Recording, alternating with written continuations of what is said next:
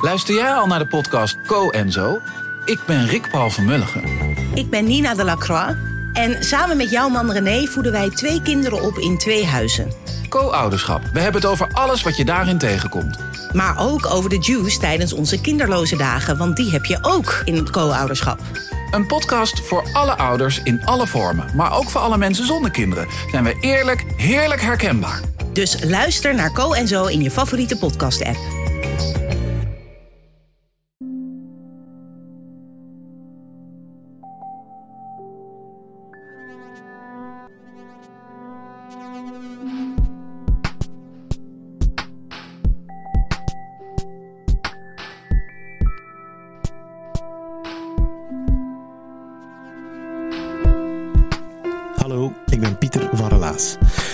Hoor je waar gebeurde verhalen en die worden altijd verteld door de mensen die ze zelf hebben meegemaakt. We gaan luisteren naar Steven. Het is een beetje een specialeke, want uh, Steven vroeg ons of hij zijn beste vriend mee mocht nemen om te komen vertellen. We hebben daar lang over nagedacht, maar tenslotte hebben we toch ja gezegd. Omdat ze nu eenmaal onafscheidelijk zijn.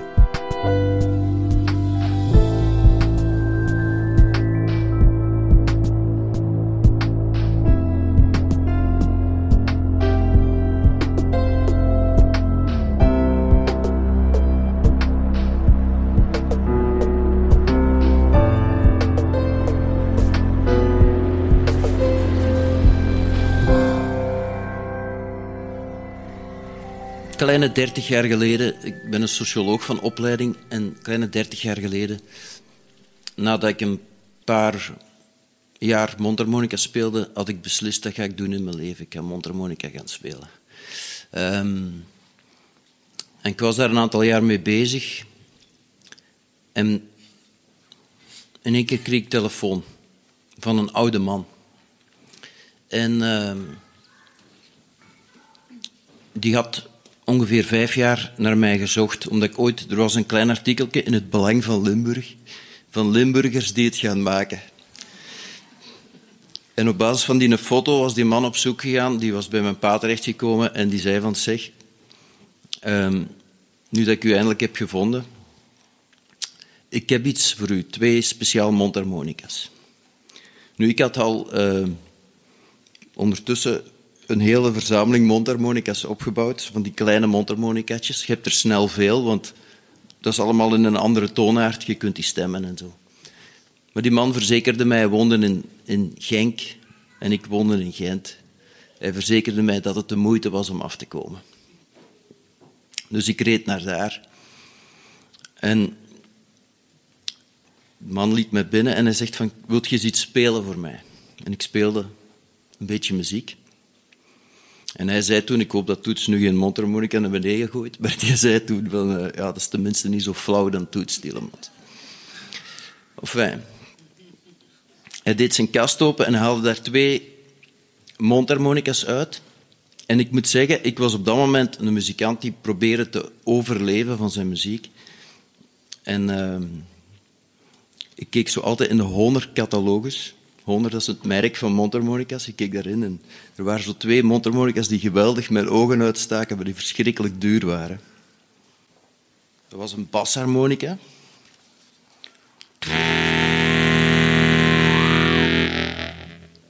Uh, en ik kende die alleen van een hoes van een plaat van Godley and Cream, Little Piece of Heaven. En daar steekt een hand uit de woestijn met die mondharmonica. Dus dat was eigenlijk al jarenlang dat ik er elke keer naar keek, maar ik dacht, ik kan me dat gewoon niet permitteren. Die mondharmonicas waren zeer duur. En dus die man toen haalt hij uit zijn kast, legt die op de tafel en hij zegt, ik ga u je cadeau doen. Ik zeg, Allee, dat kan u toch niet? Hij zegt, ja, ik, ben, uh, in, ik heb in het leger gezeten en wij hadden in de tijd een gehad mondharmonica groepen waar iemand de bas speelde, iemand de akkoorden en iemand de solist was. En hij had zo'n trio gehad. Hij zegt, ik heb dat proberen doorgeven aan mijn kinderen, maar geen enkel van mijn kinderen speelt muziek.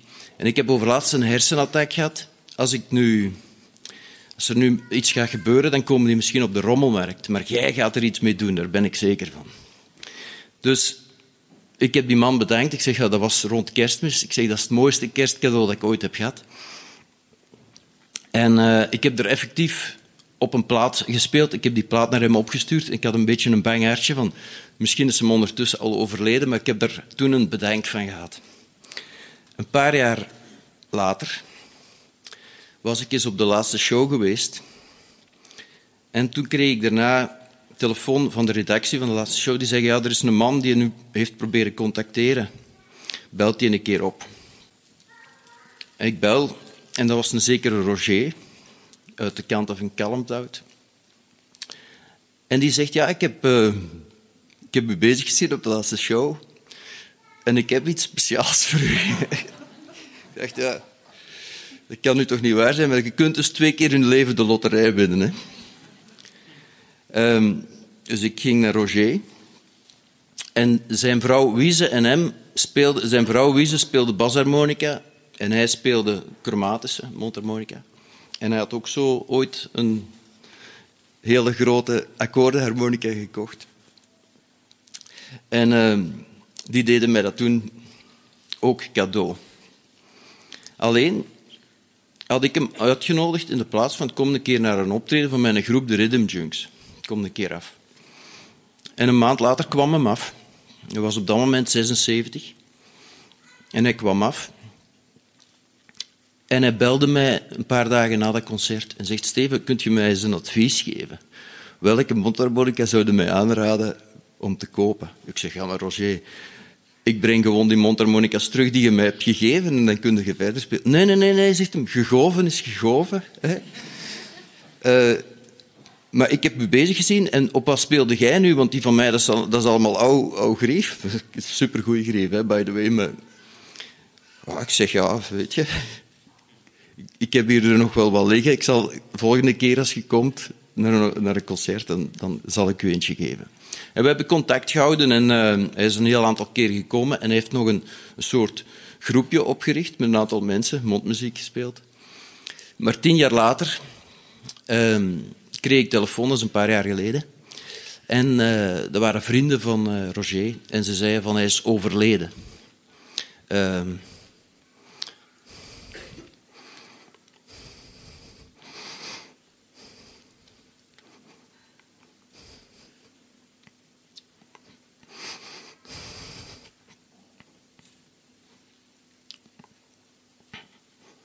Ga iets spelen.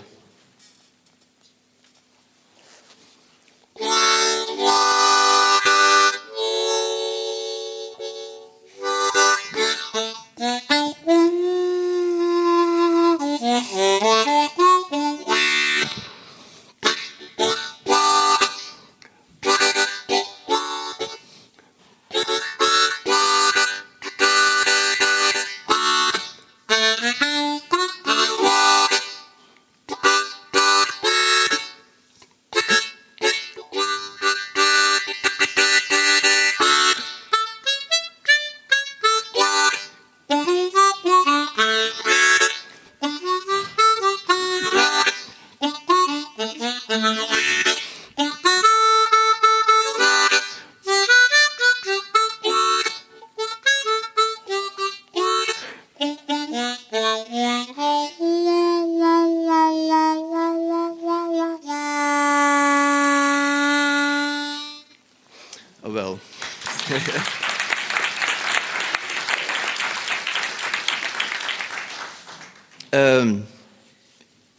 Ze vroegen, wil je spelen op zijn begrafenis? Ja, zei ik, natuurlijk wil ik spelen. Ik krijg het nu moeilijk, toen had ik het niet moeilijk. Um, maar dat was uiteraard een, uh, iets heel fijn om te doen, om erbij te zijn. En het straffe was, ik wist, die had geen kinderen. Dat ze mij gezegd, want uh, ze waren een kinderloos koppel. En op die begrafenis, op de koffietafel, achteraf, hoor ik zo'n grote kerel tegen Wiese, dus de vrouw van Roger, zeggen: Dag oma. Ik zeg: Tja, ik dacht dat jullie geen kinderen hadden. Hij zegt Wiese: Dat is een verhaal apart. Ik zeg: Ja, ik ben benieuwd. Wel, zegt ze, Roger vroeger die ging om de twee weken naar een stort. Zo oud ijzer. Die wou altijd zo iets vinden. Die vond ook altijd iets. En die bracht het dan mee naar huis. En op dat stort liep een klein manneke. Uh, de kleinzoon van de schroothandelaar. En op zeker moment was hij vrij aan het wenen en die was heel verdrietig. En Roger die vroeg van, zeg, wat scheelt er? Ja, zegt hij, mijn opa is overleden. Ah, zegt Roger, dat is, dat is spijtig. Maar misschien kan ik uw opa zijn. Weet je, ik moet naar de burgemeester. Ik ga dan een keer vragen. En als, als dat lukt, als dat mag van de burgemeester, hè, dat, weet ik, dat weet ik binnen twee weken, dan, dan wil ik wel uw opa zijn, als jij dat ook goed vindt. Ja, de manneke, dat zou tof zijn. En dus nu op die begrafenis stond Tom uh, daar. En dat was zijn opa geworden. Voor mij was dat een ongelooflijke cadeau. Ik bedoel, nog meer dan die mondharmonicas was dat voor mij een cadeau. En nu, om het verhaal af te maken. Uh, een paar jaar geleden vertelde ik dat verhaal aan een vriendin die 43 was en kinderloos was gebleven en eigenlijk nog een laatste poging wou wagen. En uh, ik vertelde dat verhaal. En zij heeft toen uh, voor haar afstudeerproject, want ze was ook nog filmschool aan het doen, heeft ze dit verhaal verfilmd. Dus dat was uh, ook een heel mooie kers op, op de taart. ja.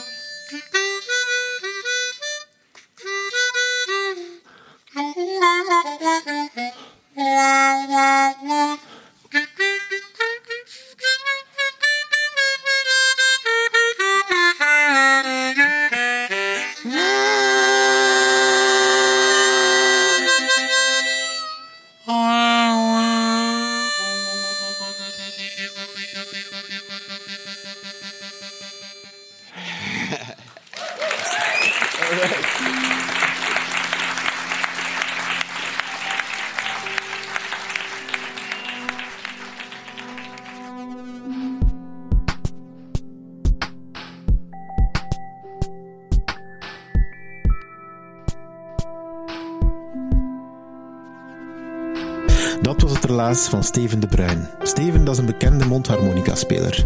Hij vertelde zijn verhaal in Gent, in de wasserij van België. En je kan het allemaal niet zien, maar Steven stond op die vertelmorgen op een voor een groen scherm. Zo'n green key. Uh, terwijl zijn verhaal live in VR, virtual reality, werd uitgetekend door de tekenares. Rose was dat. Tof om te zien, en hopelijk was het even tof om naar te luisteren in deze podcast. Je hebt het gehoord, Steven kreeg het even lastig tijdens zijn relaas, maar het maakte des te schoner dat hij zijn emoties onmiddellijk kon ventileren door zijn instrument. Onze dank gaat uit naar de Vlaamse gemeenschap en de stad Gent. Ze geven ons de broodnodige steun om dit project nu al bijna vijf jaar lang te realiseren. We krijgen ook extra hulp van Huset, Den Hopzak, Chase en Urgent FM. En ook jij kan ons helpen door dit verhaal door te sturen naar iemand die Relaas nog niet kent. Een uitdaging. Onze verhalen worden gecoacht door een team van relaasvrijwilligers. Eén daarvan is Jurgen. Jurgen is zelf muzikant en onderweg komt hij heel wat kleurrijke mensen tegen met een verhaal. Hij overtuigt die mensen dan om van dat verhaal een echt relaas te maken. En voor ze het weten belanden ze dan bij ons op het podium. Er zijn al heel wat mooie verhalen uitgekomen. Merci Jurgen.